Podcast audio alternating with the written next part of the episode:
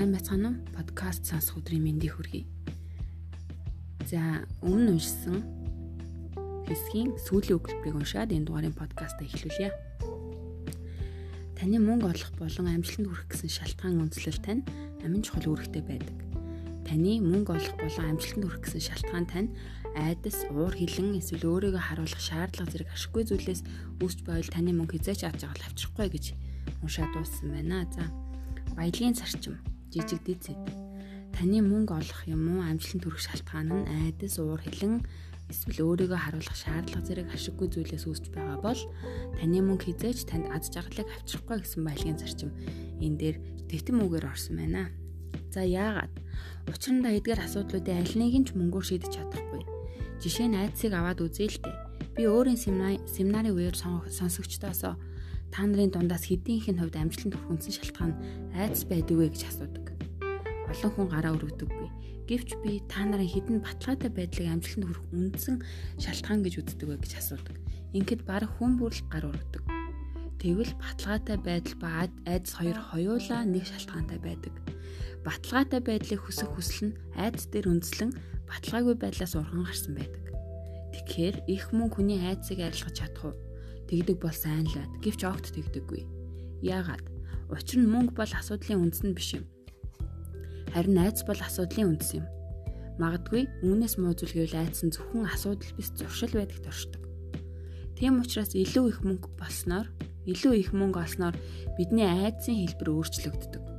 Бид ядуу байхдаа хизээш хангалттай мөнгөтэй болохгүй байх гэж айдаг байсан. Харин баян болсон хойноо би олсон мөнгөө алдчих бол яана гэх юм уу?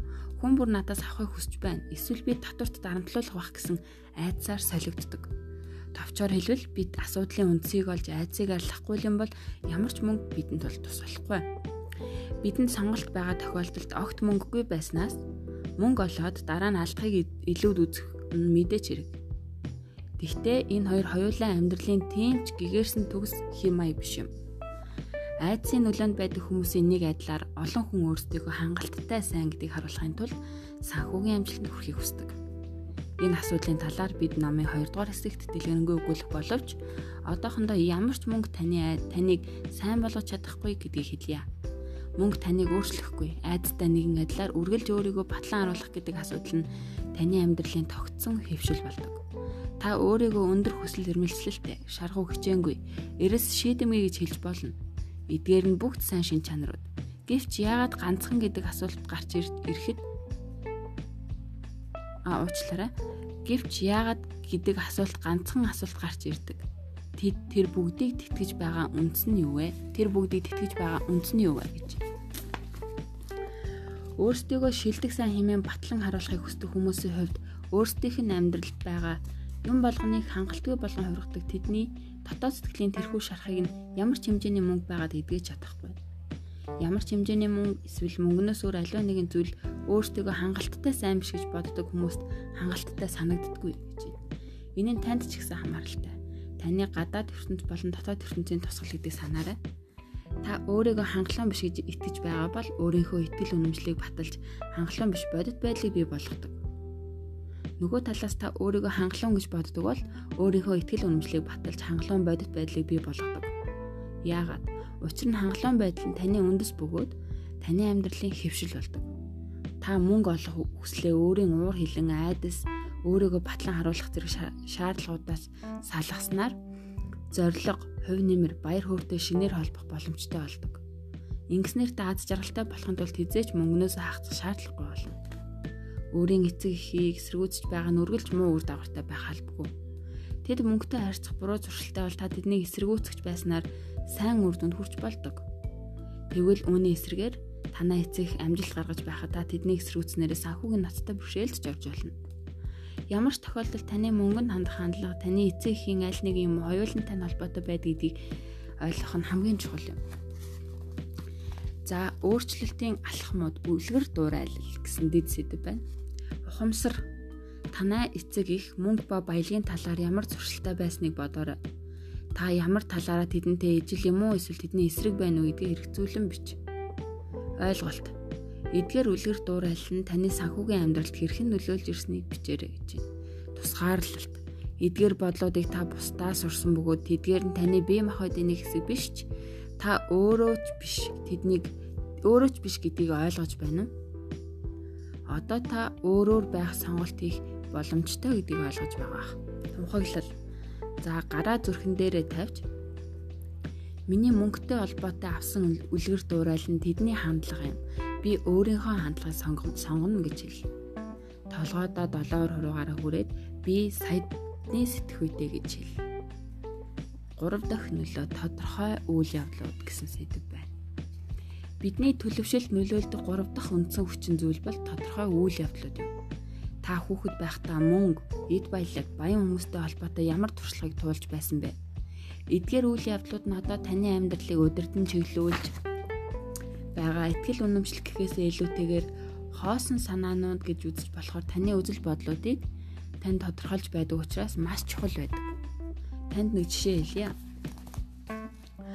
Мис заслын сувилагч нэгэн эмэгтэй манай сайтны сэтгүүн семинар суусан юм. Жосей маш өндөр орлоготой байсан боловч яагаад ч юм би үргэлж бүр үргэлж бүх мөнгөө өрчигдөг байжээ Бид бид асуудлыг гүнзгий нягтлахад тэр 11 настай байхдаа өөрийн эцэг их ба эгчтэйгээ хамт хятад ресторанд орж байснаа иргэн дурсан юм. Түүний аав ээж хоёр мөнгөний талаар ширүү маргалджээ. Аав нь босч загсаад ашгарч гин. Тэр тэр царай нь улааж дараа нь хөхрснөө зүрхэн өвдөн газар тунсныг сандаг ажээ. Жосей сургуулийнхаа усан зэлтийн багт хичээлдэг байсан бөгөөд өөрийн сурсан ах шатны тусламжийг аавдаа үзүүлсэн боловч нэмэр болоогүй аж. Аав нь түүний гар дээр нас баржээ. Тэр үеэс хойш Жосегийн оюун ухаанд мөнгө өвчин зовлонтой холбогдох болжээ. Тэгвэл том болсон анаа тэр өвчин зовлонгоос ангижрахын тулд өөрийн мэдлгүй бүх мөнгийг өргөх болсон гайхалтай зүйл биш юм. Тэр совилогч болсон ч сонирхолтой болсон ч сонирхолтой. Тэр өөрийн аавыг аврах гэж хичээсэн хിവэр байж болох уу? Сургалтын үед бид Жосейд өөрийн хуучин мөнгөний ихтгэл үнэмшлээ тодорхой болгож түүнийг өөрчлөлтөнд тусалсан юм. Өнөөдөр тэр санхүүгийн эрхчлэлийн дөрөх замд аль хэдийн орчихсон байна. Тэр мөн сувилагч байхаа болсон. Өөрийн ажилтай дургуудаа бишлээ. Учир нь тэр сувилагчийн мэрэгжлийг буруу шалтгаанаар эзэмшсэн байсан юм. Тэр одоо санхүүгийн төлөвлөгчийн хуваар урдын адил хүмүүст тусалсан хэвээр байгаа боловч энэ удаа хүмүүст өөрийнх нь өнгөрсөн үеийн програмчлал эдүүгээ санхүүгийн амьдралд нь хэрхэн нөлөөлдөг болохыг ойлгоход нь тусалж байгаамаа. Тодорхой үйл явдлын нөлөөг харуулсан өөрийн гэр бүлтэй холбоотой нэгэн жишээг ярьж өгье. Эхнэр маань 8 настай байхдаа гудамжаар мөхөлцсөний машин хэрхэн хохоод уурган ирж явааг хардаг байжээ. Тэгээд тэр ээж рүүгээ гүн очиж мөхөлцсөн 25 25 мөнгө гуйхад ээж нь уучлаарай хонгор минь надад мөнгө байхгүй аваасаа асуу аавд чинь бүх мөнгө байгаа гэж хэлдэг байжээ. Эхнэр маань аав руугаа очих ба аав тунд 25 мөнгө өгснөөр мөхөлцөө авч их л жаргалтай болдог байж гин. 7 хоног бүр энэ үйл явдалд тавтагддаг байжээ. Тэгвэл манай эхнэр мөнгөний талаар юу ойлгосон байж таарах вэ? Нэгдүгээр эрэгтэйчүүдэд бүх мөнгө байдаг. Тэгвэл бид гэрсний дараа тэд надаас юу өсөх болсон гэж бодож байна. Тийм ээ мөнгө. Гэхдээ тэр 25 мөнгө ухаан аль хэдийн болсон. Тэр энэ тал дээр ямар ч байсан шатагсан. Хоёрдугаард тэр эмэгтэйчүүдэд мөнгө байдаггүй юм байна гэдгийг ойлгосон. Түүний ээж мөнгөгүй байгаа юм чинь тэр ч гэсэн мөнгөгүй байх нь ойлгомжтой. Энэ хөвшлээ баттахын тулд тэр өөрийн мэдлгүй өөрийн бүх мөнгнөөс салдаг. Тэр үүнийг маш нямбай гүйцэтгэдэг. Түүнд 100 доллар өгөх юм бол 100 доллар өрнө. 200 доллар өгөх юм бол 200 доллар өрнө. Түүнд 500 1000 доллар өгөх юм бол яг л өгсөн мөнгийг өрдөг. Тэгээд тэр миний нэг сургалтанд зууж хөшүүрийн талаар сурсныхаа дараа би түнд 2000 доллар өгсөн чинь 100000 доллар өрчихлээ. Би түн үгүй хонгор минь хөшүүрэг гэдэг чинь бид 100000 доллар олох ёстой гэсэн үг болохоос үр гэсэн үг биш гэж тайлбарлахыг оролцсон. Гэвч энэ яагаад ч түүний талгаад буухгүй байв. Бидний зөрчилддөг ганцхан зүйл бол мөнгө юм. Энэ зөрчил биднийг барах салгах төгсөн. Бид тэр үед мөнгөний тухай бидний ойлголт тис ондоо гэдгийг ойлгодоггүй байж.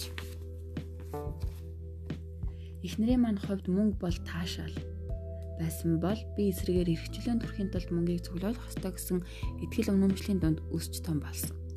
Эхнэр маань мөнгө өрхтөө бол надад тэр мөнгө нь үрж байгаа биш харин бидний ирээдүйн эрх чөлөөг үрж байгаа мэт санагддаг байсан. Гэтэл эхнэрийн минь хувьд би түүний мөнгө зарцуулахыг нь хорих бүрт амьдралаас таашаалах боломжийг нь хааж байгаа мэт түүн санагддаг гэжээ. Азар бид өөрсдийн мөнгөний талаарх ихтгэл үнэмшлээ өөрчилж хамгийн гол нь бидний харилцаанд тохирсон 3 дахь мөнгөний ихтгэл үнэмшлийг бий болгох тал дээр суралцж чадсан юм. За одоо энд нэг хүний амжилтын түүх унших гэж байна. Дибо Дибора Чамитофийн амжилтын түүх гэж байна. За хүндэт харав. Өнөөдөр би орлогын 18 их усүртэй болж дахин ажлыг шаардлагагүй боллоо. Тийм ээ би баян болсон. Хамгийн гол нь миний амьдрал улам баялаг, баяр баясгалантай хангалуун болсон. Гэвч энэ бүхэн үргэлж ийм байгаагүй. Мөнгө надад ачаа дарамт болдог байлаа.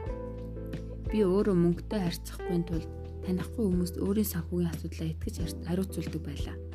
Би хамгийн сүүлийн үнэт цаасны зах зээлийн сүрлийн үед бараг бүх зүйлээ алдаж хитрхи хожимдсан хойно энэ талаар олж мэдсэн. Хамгийн гол нь би өөрийгөө хүндэтгэх сэтгэлээ алдчихсан байсан. Айдас готомшиг найдваргүй байдалд дийлэгдснээр би өөрийн эргэн тойронд байгаа хүн бүрээс зайгаа барих болсон. Намайг саятны сэтгүүн сургалтанд хүчээр авчрах хүртэл би өөрийгөө гисгээсээр л байсан тэр тэр эрс өөрчлөлтийн 7 хоногт би өөрийн хүч чадлыг эргүүлэн олж авч өөрийн санхүүгийн хувь заяаг гартаа авахар шийдсэн юм. Би эд баялагын тонхлолтыг хэрэгжүүлж өөрийгөө баян байх хэрэгтэй гэж итгэн урдын алдаагаа уучлсан. Одоо би өөрийн мөнгийг зохицуулахдаа дуртай байдаг болсон. Би санхүүгийн өргөжлөлөд басан бөгөөд саятны сэтгүүтэй болсон учраас үргэлж юм байна гэдгийг мэдэж байна. Баярлалаа хар. За энэ бүхэн үр дүнтэй гэж юу? Үүнийг би өөрийн амьдралын гурван гайхалтай үйл явдлаар харуулахыг хүсэж байна. Миний охин төрсөн, миний хүү төрсөн. Манай эхнэр бит хоёр дахин мөнгөний асуудлаар маргалтгаа болсон. Статистик үзүүлэлтүүдээс харахад хүмүүсийн харилцаагаа тасалдаг хамгийн гол шалтгаан нь мөнгө байдаг. Гэвч хүмүүсийн мөнгөтэй холбоотой зөрчилдөөн шалтгаан нь мөнгөнд өөрт нь биш харин тэдний итгэл үнэмшлүүдийн харилцан тохиромжгүй байдалд оршдог. Та их мөнгөтэй эсвэл мөнгөгүй байх нь огт хамаагүй. Таны итгэл үнэмшил харьцаж байгаа хүнийхтэй чинь тохирохгүй байгаа бол танд томоохон бэрхшээл тулгарна.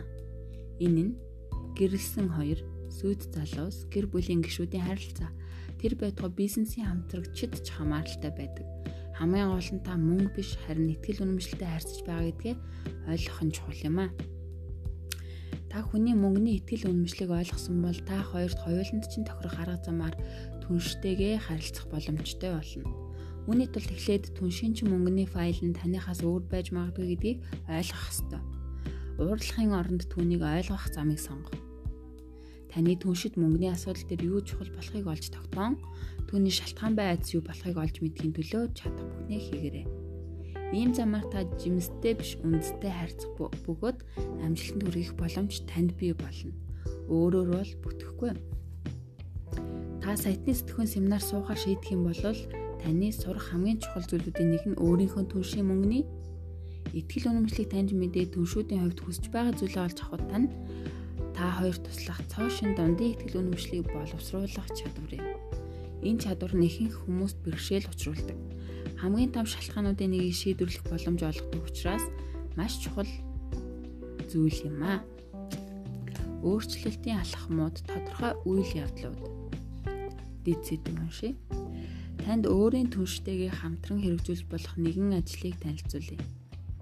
Та хоёр хамт суугаад залуу бага насндаа сонсож байсан зүйлс болон танаа гэр бүлүүдийн хувьд гол үлгэрдүүл дуурайл загвар олж ирсэн хандлага, хөвшлүүд, эсвэл та нарын амьдрал тохиолдсон сэтгэл хөдлөм үйл явдлууд гээд та бүхний мөнгөний тухай үзэл бодол та нөлөөсөн байж болох бүхий л түүхүү тохиолдлуудын талаар дэлгэрэнгүй ярилцаарай гэж.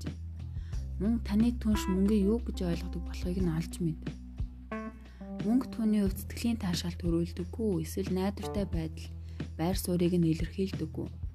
Ингэснээр та хоёр аль альныхаа мөнгөний талаарх зуур ойлголтоо тодорхойлж чадах бөгөөд улмаар цаашид энэ тал дээр ямар зөрчил үүсэж болохыг ч мэдх юм.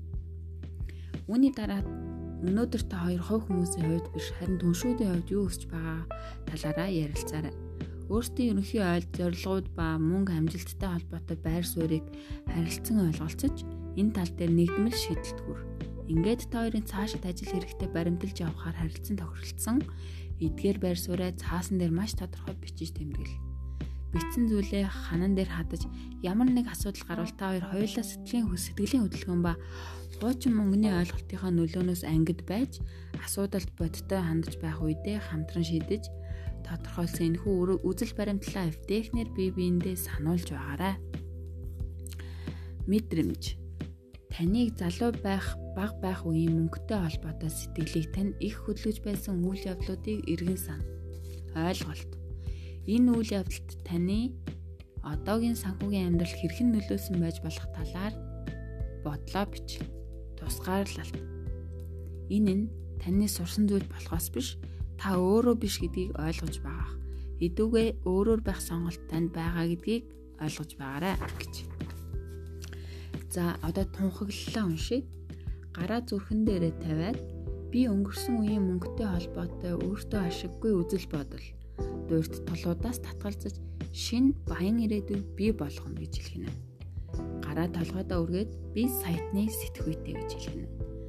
За Таны мөнгөний талаарх ихтгэл үнэмшил юунд зориулагдсан байна вэ гэдэг дэд сэдв.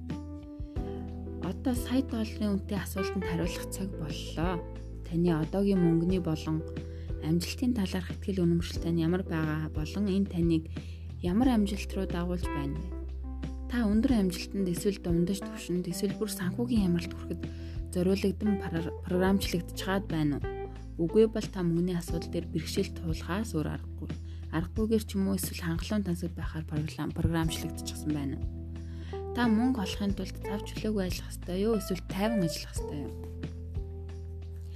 Та тогтмол эсвэл тогтмол бус орлоготой байхын альнаар нь програмчлагдсан хүн бол их хэмжээний орлого ямар байдгийг та мэднэ. Эхлээд та түүнийг олж дараа нь байхгүй болох гэх мэтээр үргэлжилдэг ийм хит хэлбэлцэлтэй байдлын шалтгаан үргэлж гадаад ертөнцөөр шалтгаалдаг мэд тань санагддаг боловч энэ нь үгүй юм аа. Жишээ нь би маш сайн цалинтай ажилтай байсан боловч компани дампуурсан. Ингээд би өөрийн бизнесийг эхлүүлж бүх зүйлд зэлж байсан боловч зах зээл байхгүй болсон. Миний дараагийн бизнес гайхалтай байсан боловч манай түүш намайг орхиод явчихсан. Гэх мэт худал зүйлд бүх урт энэ бол таны итгэл үнэмшлийн тань үр дүн юм. Та өндөр дундаж эсвэл бага орлоготой байхаар зориулагдсан уу? Бид тогтсон хэмжээний орлого олохоор програмчлагдсан байдаг гэдгийг та мэдхүн. Та жилд 20-оос 30 мянган доллар олохоор зориулагдсан уу 40-оос 60 75-аас 100, 150-аас 200 доллар эсвэл 250 мянган доллараас дээш үү? Хэдэн жилийн өмнө миний оройн семинарт оролцогчдын оролцогчдын донд онцгой сайхан утсан нэгэн эрэгтэй сууж байсан юм. Семинар дуусах үед тэр над руу ирж жилд аль хэдийн 500 доллар олдог болсон. Түүний хувь саяны сэтгүүн 3 өдрийн нөхөс сургалт тус болно гэж бодож байгаа эсгийг нь асуулаа. Би түүнээс ийм хэмжээний орлого ямар хугацаанд олж байгааг асуухад тэр 7 орчим жил тасралтгүй олсон гэж хариулв. Энэ нь надад хангалттай байлаа. Би түүнийг яагаад жилд 2 сая доллар олохгүй байгааг нь асуулаа. Би түүнд манай хөтөлбөр нь өөрсдийн санхүүгийн бүрэн боломжийг ашиглахыг хүссэн хүмүүс зориулагдсан гэдгийг хэлж яагаад хагас саяын түвшинд гацчихсан болохоо эргцүүлж бодохыг нь хүслээ. Би түүнээс жилийн дараа нэгэн цахим шуудан хүлээн авлаа. Түүнд хөтөлбөр гайхалтай байсан боловч би алдаа гаргасан байсан би өөрийн мөнгөний ихтгэл үнэмшлийг бидний ярьж байснаар жилд зөвхөн 2 сая доллар байхаар л тохируулсан юм. Одоо би өөрийн жилийн орлогыг 10 сая болгон шинээр тохируулахаар дахин сургалтанд сууж байгаа гэсэн байлаа. Тодорхой тод түүнд ач холбогдолгүй гэдгийг би хэлхийг хүсэж байна. Харин та өөрийн санхүүгийн нөөцийг бүрэн ашиглах хэмжээнд хүрч чадсан гэдг нь чухал юм та нарын дундаас олон нэм их мөнгө ямар шаардлагатай юм бэ гэж асууныг би мэдчихэв. Нэгдүгээрт энэ асуулт өөрөө таны эд баялагт тийм ч их тустай зүйл биш. Бөгөөд таны мөнгөний төслийг өөрчлөх шаардлагатай гэдгийг баталсан тодорхой шинж тэмдэг юм. Хоёрдугаарт дээрх хүн мөнгө олохыг хүссэн үндсэн шалтгаан нь Африкийн дохоор өвчсөн хүмүүс туслах буйны ажиллагааны томоохон хандивлагч болох өөрийн ажлыг санхүүжүүлэх зорилготой байсан юм. Баян хүмүүс шуналтай гэдэг ойлголтоос дэндүү хол байгаа юм. Ярьж байсан зүйлээ үргэлжлүүлье. Та мөнгийг хоримтлуулахад зориулагдсан уу эсвэл өрхөд зориулагдсан уу? Та мөнгийг сайн зохицуулахад зориулагдсан уу эсвэл муу зохицуулахад зориулагдсан уу? Та ашиг ашигтай хөрөнгө оруулалт хийхэд зориулагдсан уу эсвэл алдагдaltaй хийхэд зориулагдсан уу? Та үнэт цаасны зах зээл юм уу үйл хөдлөх хөрөнгийн зах зээл дээр мөнгө олох хэсэг чинь эсэх минь яавал миний итгэл үнэмшлийн нэгэн хэсэг болж болох вэ гэж асуух ба. Үүний хариулт нь их энгийн. Хувьцаа юм уу эсвэл хөрөнгийн сонголтыг хэн хийдэг вүлээ? Та. Та юм худалдаж авах үед хэн сонголт хийдэг вүлээ? Бас л та. Та үүнд ямар нэгэн хамааралтай гэж би бодож байна. Сандиагод Лэри гэдэг нэртэй нэгэн танил маань байдаг юм. Лэри мөнгө олох асуудал дээр дээр соронзон л гэсэн үг. Тэр яа харахгүй хэмжээний орлого олохоор ихтгэл өнөмшлтэй хүн. Гэвч тэр хөрөнгө оруулалт хийх тал дээр хараал хүрсэн юм шиг байдаг тэр ямар нэг юм худалдаж авахд түүнийх нь үн нь авсуунчдаг. Би хөрөнгө оруулалтын талаар зөвлөгөө авахын тулд Лэритэй байн холбоотой байдаг. Түүний зөвлөгөө төгс төгөлдөр байдаг. Өөрөөр хэлбэл төгс төгөлдөр буруу байдаг гэсэн. Лэригийн хэлсэн зөвлөгөөний яг эсрэгээр нь би хийдэг. Лэри надад таалагддаг. Нөгөө талаас зарим хүмүүс миний бидний өмнө шидэт төхөр гэж нэрлсэн зүйлийг эзэмшсэн байдаг болохыг нь ажиглав Тэдний оролцсон юм болгон алт болон хувирдаг. Шидэт тохиур байх хараалын аль аль нь мөнгөний талаарх бидний суур ихтгэл үнэмшлийн илрэлтүүдийн зүйл юм а. Дахин хэлэхэд таны мөнгөний талаарх ихтгэл үнэмшил тань таны санхүүгийн амьдралыг тэр байтугай хувийн амьдралыг ч тодорхойлдог. Хэрвээ та бага орлоготой байхаар зориулагдсан мөнгөний ихтгэл үнэмшил бүхий эмэгтэй бол өөртөөгөө ижил бага орлоготой байхаар зориулагдсан эрхтэйг өөртөө татаж хамтдаа санхүүгийн амгалан амгалан байдлын бүстэй амьдарч өөрсдийн итгэл үнэмшлээ олон бүр баталгаажуулах магадлалтай байдаг. Хэрв та бага орлоготой байхад зориулагдсан эр бол үрлэн эмэгтэй сэтгэлийг татаж өөрийн мөнгнөөс хахацсан хамтдаа санхүүгийн амар амгалан байдлын бүсэд амьдарч өөрсдийн итгэл үнэмшлээ баталгаажуулах магадлалтай байдаг гэж байна. Ихэнх хүмүүс бизнесийн амжилт нь өөрсдийнх нь бизнесийн ур чадвар, мэдлэг, боловсрол эсвэл ядаж зах зээлд гарах цаг хугацааны сонголтоос нь хамаардаг гэж итгэдэг. Би ийм байдаггүй гэдгийг танд баталж харуулахыг хүсэхгүй байгаа боловч энэ нь шал буруу ойлголт гэдгийг хэлье. Таны бизнес ямар амжилттай байх нь таны мөнгөний талаарх итгэл үнэмшлээс л хамаардаг. Та үргэлж өөрийн итгэл үнэмшлийг л баталж байдаг Таны ихтгэл үнэмшил жилд 100 сая доллар олох зорилттой бол таны бизнес жилд яг л ийм хэмжээний орлого олох хэмжээнд байдаг. Та борлуулалтын ажилтан бөгөөд таны төсөл жилд 50 сая доллар олох зориулагдсан боловч тухайн жилд яаж игээд ихээхэн борлуулалт хийж 90 сая доллар олсон бол борлуулалт хүчмүү болох юм уу эсвэл эцсийн дүнгээр 90 сая доллартай болсон ч гэсэн дараагийн жил жил илүү гарсан орлогыг нь эргүүлэн алдаж таны санхүүгийн төслийн төвшөнд буцаан аваач 10 жил болоход бэлэн байх хэрэгтэй. Нөгөө талаас та 50 сая доллар олоход зориулагдсан боловч 2 3 жил дараалан уналтанд орсон бол санаа зовлтгүй. Та түүнийгээ эргүүлжин эргүүлэн олж авах болно. Та ингэхээс ч өөр аргагүй. Учир нь энэ бол дотоод ухамсартах сэтгэхгүй ба мөнгөний хууль юм. Ийм төвшин зориулагдсан хүн замаар гарч яваад автобус нь мөргүүлж жилийн 50 сая долларын даатгалж авч магадгүй. Энэ бол маш энгийн зүйл юм. Та 50 сая доллар олохоор зориулагдсан бол яадаг ч гэсэн энэ мөнгийг олох л болно. Ингээд таны мөнгөний итгэл үнэмшил юунд зориулагдсан бэ? Түүнийг мэдэх хамгийн илэрхий хэмжүүр бол таны хүртсэн үр дүн юм. Өөрийн банкны дансыг хар, өөрийн орлогыг хар, өөрийн цэвэр ашгийг хар, өөрийн хөрөнгө оруулалтын амжилтыг хар. Өөрийгөө өргөчүү хуримтлуулагч юу гэдгийг хар. Өөрийгөө мөнгийг хэр сайн зохицуулдаг болохыг хар. Таны амжилт хэр товтур тогтвортой байгааг хар. Та мөнгө олохын тулд яаж хөдөлмөрлөж байгаагаа хар. Мөнгөтэй холбоотой өөрийн харилцаагч бас мөн хар. Та мөнгө олохын тулд зовж байна уу эсвэл хэлбэрхэн олж байна уу? Та өөрийн бизнестэй юу эсвэл ажилдаг уу? Та удаан хугацааны турш нэг л бизнесийг юм уу эсвэл нэг л ажлаа хийж байгаа юу? Таны ажил болон бизнес байнга өөрчлөгдөж байна? Таны ихтгэл үнэмшил гэдэг нь яг л дулаан тохируулагчтай ажил юм. Өрөөний температур 20 хэм байна гэдэг нь дулаан тохируулагч 22 хэмдээр тохируулагдсан байна гэсэн үг. Харин одоо асуудлын сонирхолтой хэсэг нь эхэлж байна. Гадаа хүйтэн байгаа үед өрөөний цанхыг онгойлгох юм бол өрөөний температур 15 хэм хүртэл буурах боломжтой. Энэ нь мэдээч хэрэг боловч дараа нь юу болох вэ? Дулаан тохируулагч ажиллаж температурыг буцаан 22 хэмт хүргэнэ. Мөн үүний эсрээр гадаа халуун байгаа үед өрөөний цанхыг онгойлгосноор өрөөний температур 27 хэмт хүрэх боломжтой юу мэдээж боломжтой. Гэхдээ дараа нь юу болох вэ? Дулаан тохируулагч ажиллаж температурыг буцаан 22 хэмт байчна. Өрөөний температурыг тогтмол хугацаагаар өөрчлөх цорын ганц арга бол дулаан тохируулагчийг шинээр тохируулах явдал юм.